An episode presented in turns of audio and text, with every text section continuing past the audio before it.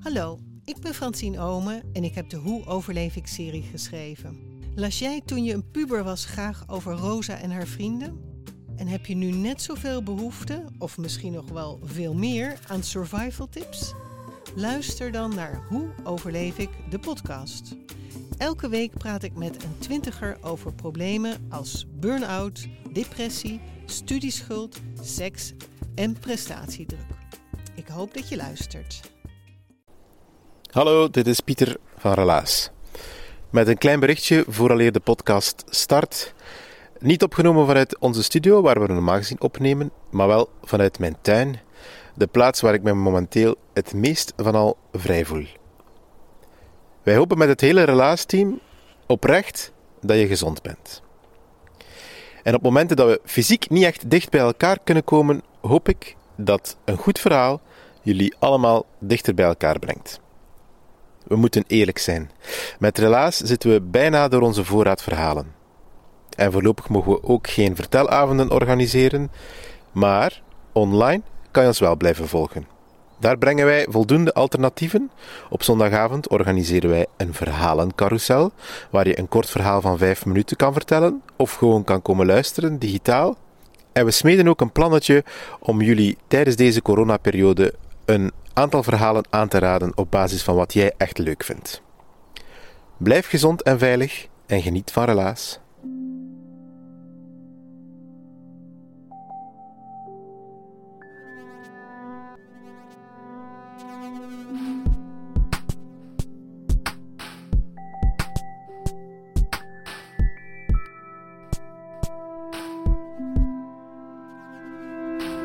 Hallo, ik ben Pieter van Relaas. In Relaas hoor je waar gebeurde verhalen en die worden verteld door de mensen die ze zelf hebben meegemaakt. We gaan luisteren naar het verhaal van reisorganisator Koen, die al een tijdje geleden een heel bijzondere man ontmoet, waaraan hij een heel vreemde vraag kreeg en op die manier in zijn avontuur belandt, zou het scenario voor een goede Hollywoodfilm kunnen zijn.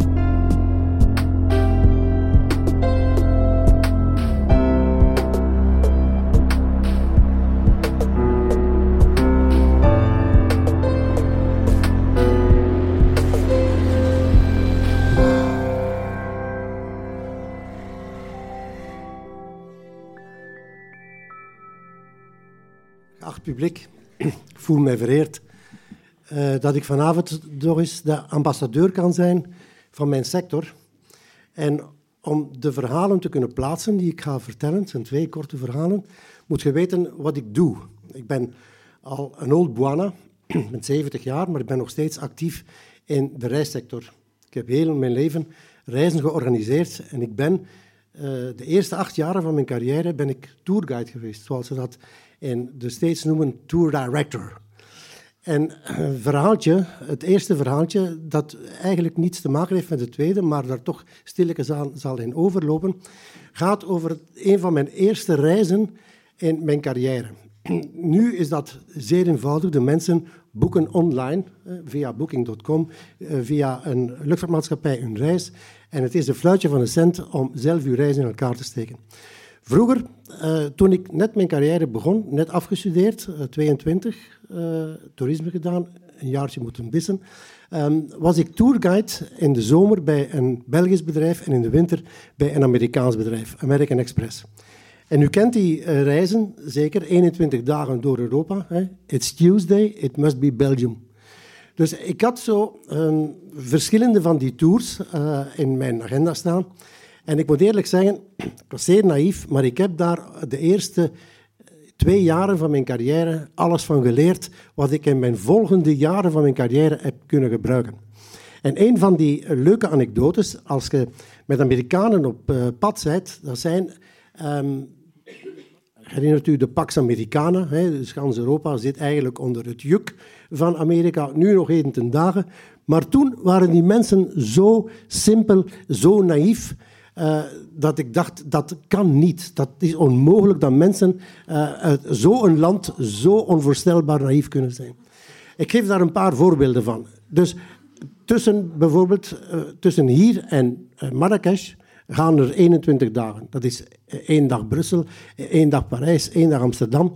En je moet die mensen voortdurend bezighouden. Dus de eerste dag vertrekken we in Brussel. Het eerste wat ze vragen, dus mijn naam in het Nederlands is Koen, mijn naam in het Engels is Conrad. Conrad, where is the red light district? Dus natuurlijk, uh, dat zijn dikwijls koppels. Die mensen hebben van alles gelezen over Europa. En vooral Amsterdam, de Red Light District, de Walletjes, dat is het eerste waar dat al die mannen naartoe wilden. Dus um, ook daar heb ik veel geleerd hoe dat je dat moet organiseren. Ik zou zeggen, uh, een jonge knaap van 22, 23 jaar moet op zoek gaan voor die mensen te plezieren. En route tussen bijvoorbeeld uh, Brussel en Amsterdam is er niet zo heel veel te zeggen. Er is niet heel veel te zien, behalve de battlefields van de Somme en van de Marne. Dus uh, beginnen die mensen aan u vragen te stellen. Conrad, uh, how do you say good morning in your language? Moet ik die mensen naar wijs maken hè, dat gewoon goedemorgen, goedemorgen is. Hè.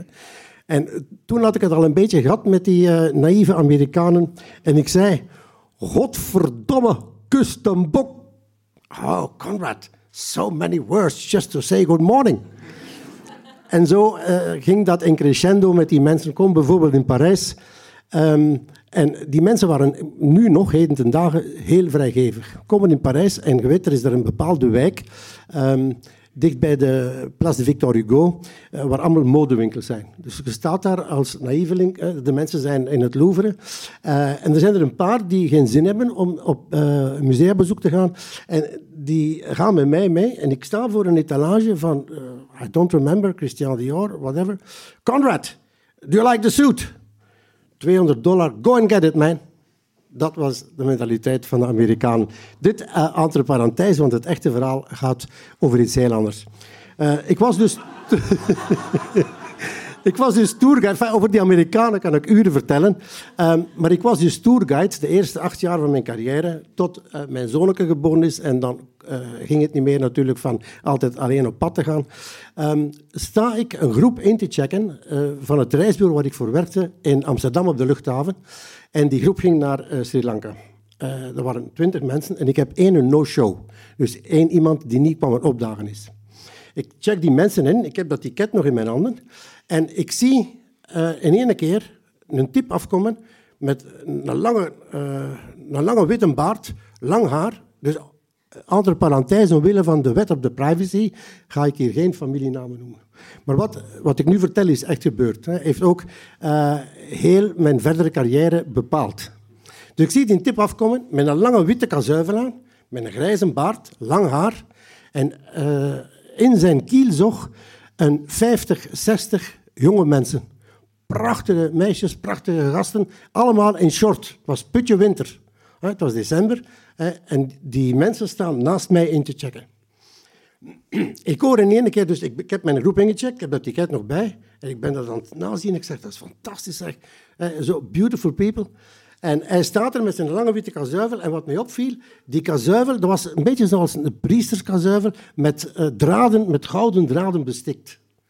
Nadien heb ik dan de betekenis gekregen van die gouden draden. Very important. Um, dus ze zijn aan het inchecken en hij staat daar te wachten tot uh, de mensen uh, hun instapkaart krijgen. vroeger, nu is dat fluitje van een cent, je doet het allemaal online. Maar er moest dus iemand doen. En die gast van dat reisbureau, dus een concurrerend reisbureau, die ziet in ene keer dat hij een ticket te weinig heeft. Ik hoor, de, en hij gaat dat vertellen aan die mensen van de groep.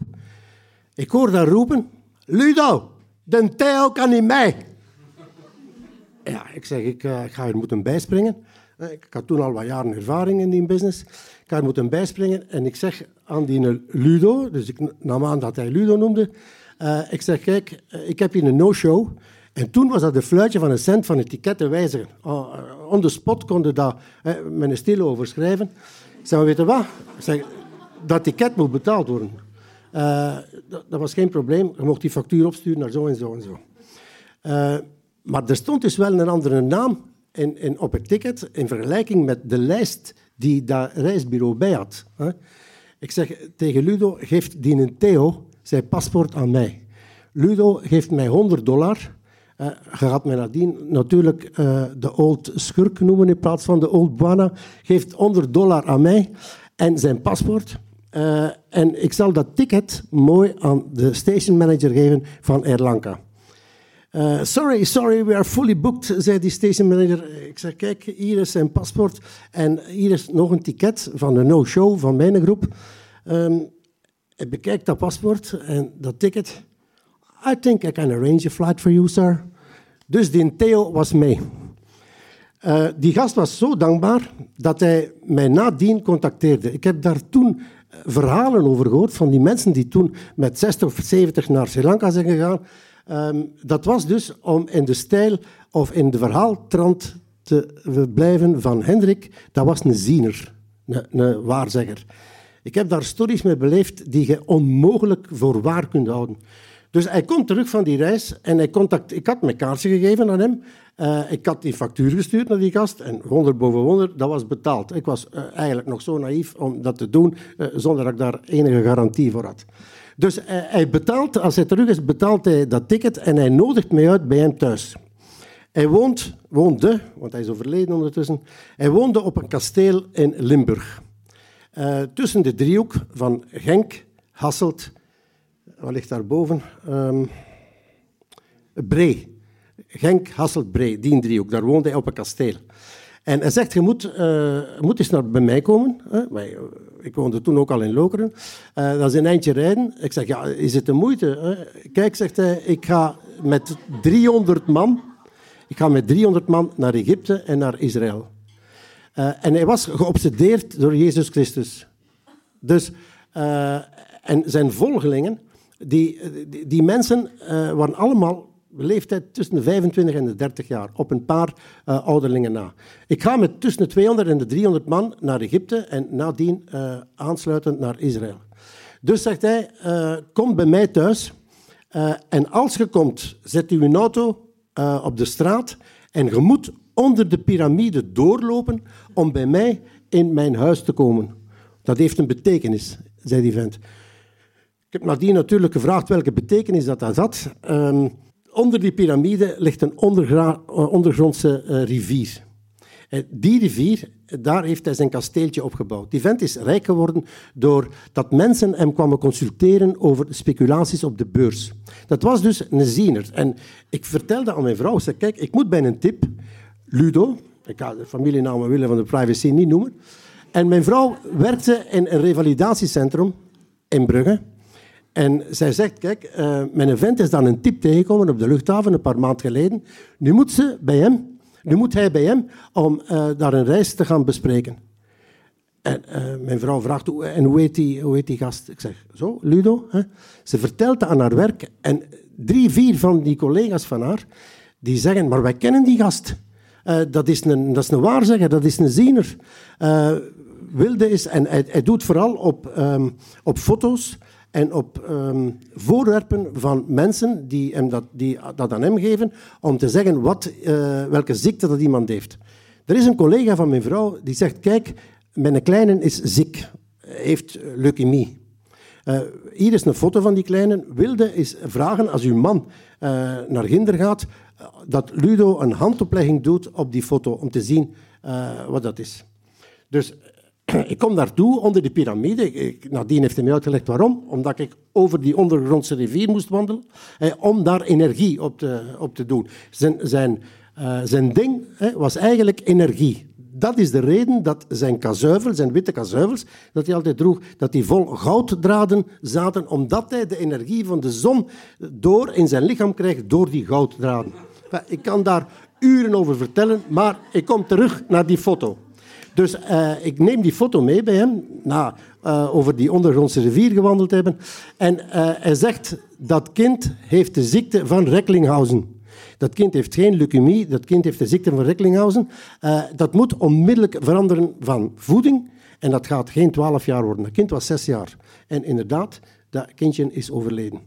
Dus ik organiseer voor hem een reis naar Egypte ik huurde dan een boot, waar dat, 250 eh, mensen op kwamen. En nadien zijn we dan naar eh, Israël gegaan. Op die boot, je kunt u dat niet voorstellen, daar gaf die gast tussen de 16 en de 17 uur per dag lezingen.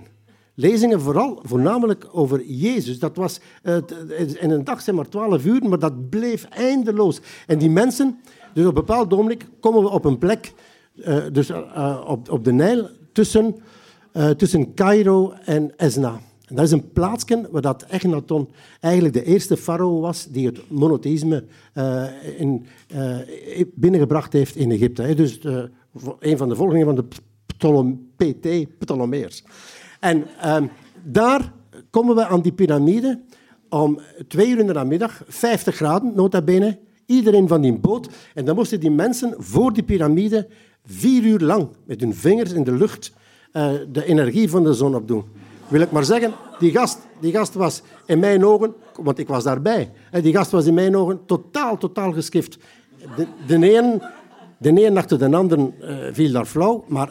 Uh, en je kon daar alleen maar geraken met een ezelskar en, en, en met, nos. Uh, want dus tussen de Nijl en die piramide was uh, twee, drie kilometer. Dus die mensen uh, die werden opgehaald door de organisator met de nos en de ezel naar die piramide en dan twee, drie uur zo. Die reis is, is ten einde. En een van die dames, wat op leeftijd... Um, begint vreemd te doen. Dus wij gaan vandaar naar Jeruzalem. Jeruzalem is dus de plek. Hè. Dat is een heel eigenaardige stad. Dat is een stad dat in de geschiedenis ontstaan is uh, totaal out of the blue. Want er is daar niets te zien, uh, niets te vinden. Nochtans zijn de drie monotheïstische godsdiensten daar ontstaan. Niet tegenstaande dat er geen water is, dat er geen energie is, niks. En nogthans zijn de drie monotheïstische godsdiensten naar ontstaan. Dus die tip, natuurlijk, die Ludo, uh, die, die, had daar ook veel over gelezen, die moest daar eh, zijn volgelingen naartoe brengen. Uh, een van die volgelingen had ik, in, had ik in het snot dat dat niet juist was met die dame. Dus bijvoorbeeld, hij geeft dan in het hotel in Jeruzalem we hadden een wandeling gedaan op de Via Dolorosa. Dus je kent de Via Dolorosa, dat is de, de weg van het centrum van Jeruzalem waar Jezus uh, zijn laatste tocht deed. Dat is de Via Dolorosa, dus naar Golgotha, hè, waar Jezus gekruisigd werd. Dus wij deden ook die wandeling uh, op de Via Dolorosa. En dat vrouwmens bleef achterna en uh, was op een bepaald moment volkomen in trance. Ik zeg, ja, ik moet die recht in doorhouden. Ik ga die een beetje onder mijn protection nemen. op een bepaald ogenblik begint het in mijn kamer in een vijfsterrenhotel in Jeruzalem, begint het in mijn kamer uh, water door te sijpen door een plafond. Ik zeg, ja, dat is niet juist. Ik ga naar boven. Ik klop op die deur, ik kijk dus de lijst en ik zie dat dat die dame is. Die stond, die stond dus ik raakte daar niet binnen, die stond onder de douche uh, gewoon uh, energie op te doen uh, door die kranen te laten lopen. En de, de, dat bad liep over, gewoon onder drie, vier verdiepingen daaronder. Ludo was in de middle of a section. Ik ga hem halen. Al zijn volgelingen zijn aan het luisteren. Ik zeg, Ludo, dat klopt dan niet. Die, uh, en, en opgepast, in Israël lachen ze niet met de veiligheid. Uh, dus ik had dat wist te zeggen. Ik zeg, die dame is, zit opgesloten in haar badkamer. Onmiddellijk vier, vijf van die bewakers met een standgun daar naartoe, eh, die deur opengebeukt. En Ludo was ondertussen uh, boven geraakt met mij. En zij stond daar gewoon onder de douche, compleet, compleet in trance. Dat was dus na die namiddag dat we die wandeling gedaan hadden via Dolorosa. Ludo neemt, vraagt die, die dame vanuit de douche te komen. En hij zegt, die is behekst. Dus wat ik eh, toen gedacht heb, dat, is, eh, dat kun je alleen maar in boeken meemaken of in filmen, want dat is niet echt wat ik nu zie. En hij zegt, ik ga die, ik ga die allernegatieve energie uit haar lichaam halen. Dus dat is eh, onwaarschijnlijk wat ik toen gezien heb. Hij pakt die dame vast en hij legt die, dat was een, een oudere dame, hè, zoals ik nu. Hij pakt die dame vast, legt die op bed en hij begint die zo. En, en ineens herleeft hij. Ineens begint hij uh, totaal opnieuw normaal te doen. En plots uh, ervalt hij. En dan begint ze, dus ze gaan mee naar die, uh, opnieuw naar die lezing. Die mensen waren daar mooi blijven zitten. Ze gaan mee naar die lezing. En ze begint plots in die lezing te roepen: Luido, Luido, ze gaan min vermoorden, ze gaan min vermoorden. Ik heb die dame, want ik dacht, ik ga daar nooit mijn leven thuis geraken. Die gaat nooit door de, door de politiecontrole geraken. Ik ga die dus eh, opnieuw onder mijn hoede moeten pakken. Dus wij hadden een gans vliegtuig gecharterd van uh, Tel Aviv, dat is de luchthaven van Jeruzalem, van Tel Aviv naar Brussel. Uh, net voordat we gingen landen, hey, fasten seatbelts, ladies and gentlemen, dan staat ze recht een volle charter van ons. Dan staat ze recht, begint ze opnieuw te roepen: Ludo, Ludo, ze gaan me vermoorden. Uiteindelijk uh, is, zijn er twee, drie hostessen aan te pas gekomen om dat mensen te kalmeren met een injectie. Uh, wat, er was niet oud, die ging daar totaal, totaal uit een bol. En Ludo had daar, had daar geen vat meer op. Die Ludo was op een duur mijn basisinkomen. en het is ook dankzij hem dat ik op mijn eigen begonnen ben. Ik dacht, als ik zoveel uh, groepen kan organiseren naar het Midden-Oosten enzovoort, uh, is het tijd van niet meer voor een baas te werken, maar voor mijn eigen. Dus ik ben nu 70, ik ben gestopt op 65, ik heb dan mijn business verkocht, maar ik voelde me nog te jong om niks te doen en ik ben nog altijd actief in de sector in een kantoor in Brugge. That's my story.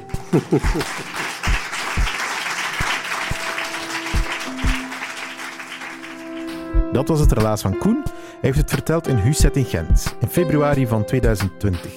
En Koen heeft zoveel ervaring en verhalen dat hij uren zou kunnen vertellen. Dat zei ons toch echt letterlijk zelf op voorhand. En een keer dat hij begon, was hij heel moeilijk te stoppen. Ook dat moest hij eerlijk gezegd toegeven.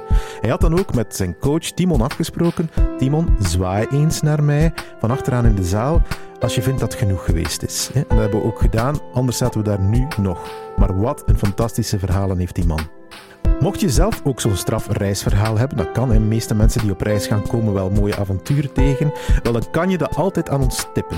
En dan wijzen wij jou een van de relaas coaches toe en die gaat met jouw verhaal samen met jou aan de slag tot het goed genoeg is om het in de gezelligheid van Huset of de Hopzak te vertellen. Als je dit relaas leuk vond, please stuur het dan door naar iemand die je kent en um, iemand waar je met dit verhaal een plezier doet, hè. dat kan altijd. We leren ook nieuwe luisteraars kennen op die manier. En ik geef toe, wij kikken daar een beetje op. Meer verhalen, de podcast, vind je op luister.be, luister met een Y. Dat is een podcastgezelschap waar wij ook lid van zijn. En daar kan je nog meer verhalende podcasts luisteren als je er geen genoeg van krijgt.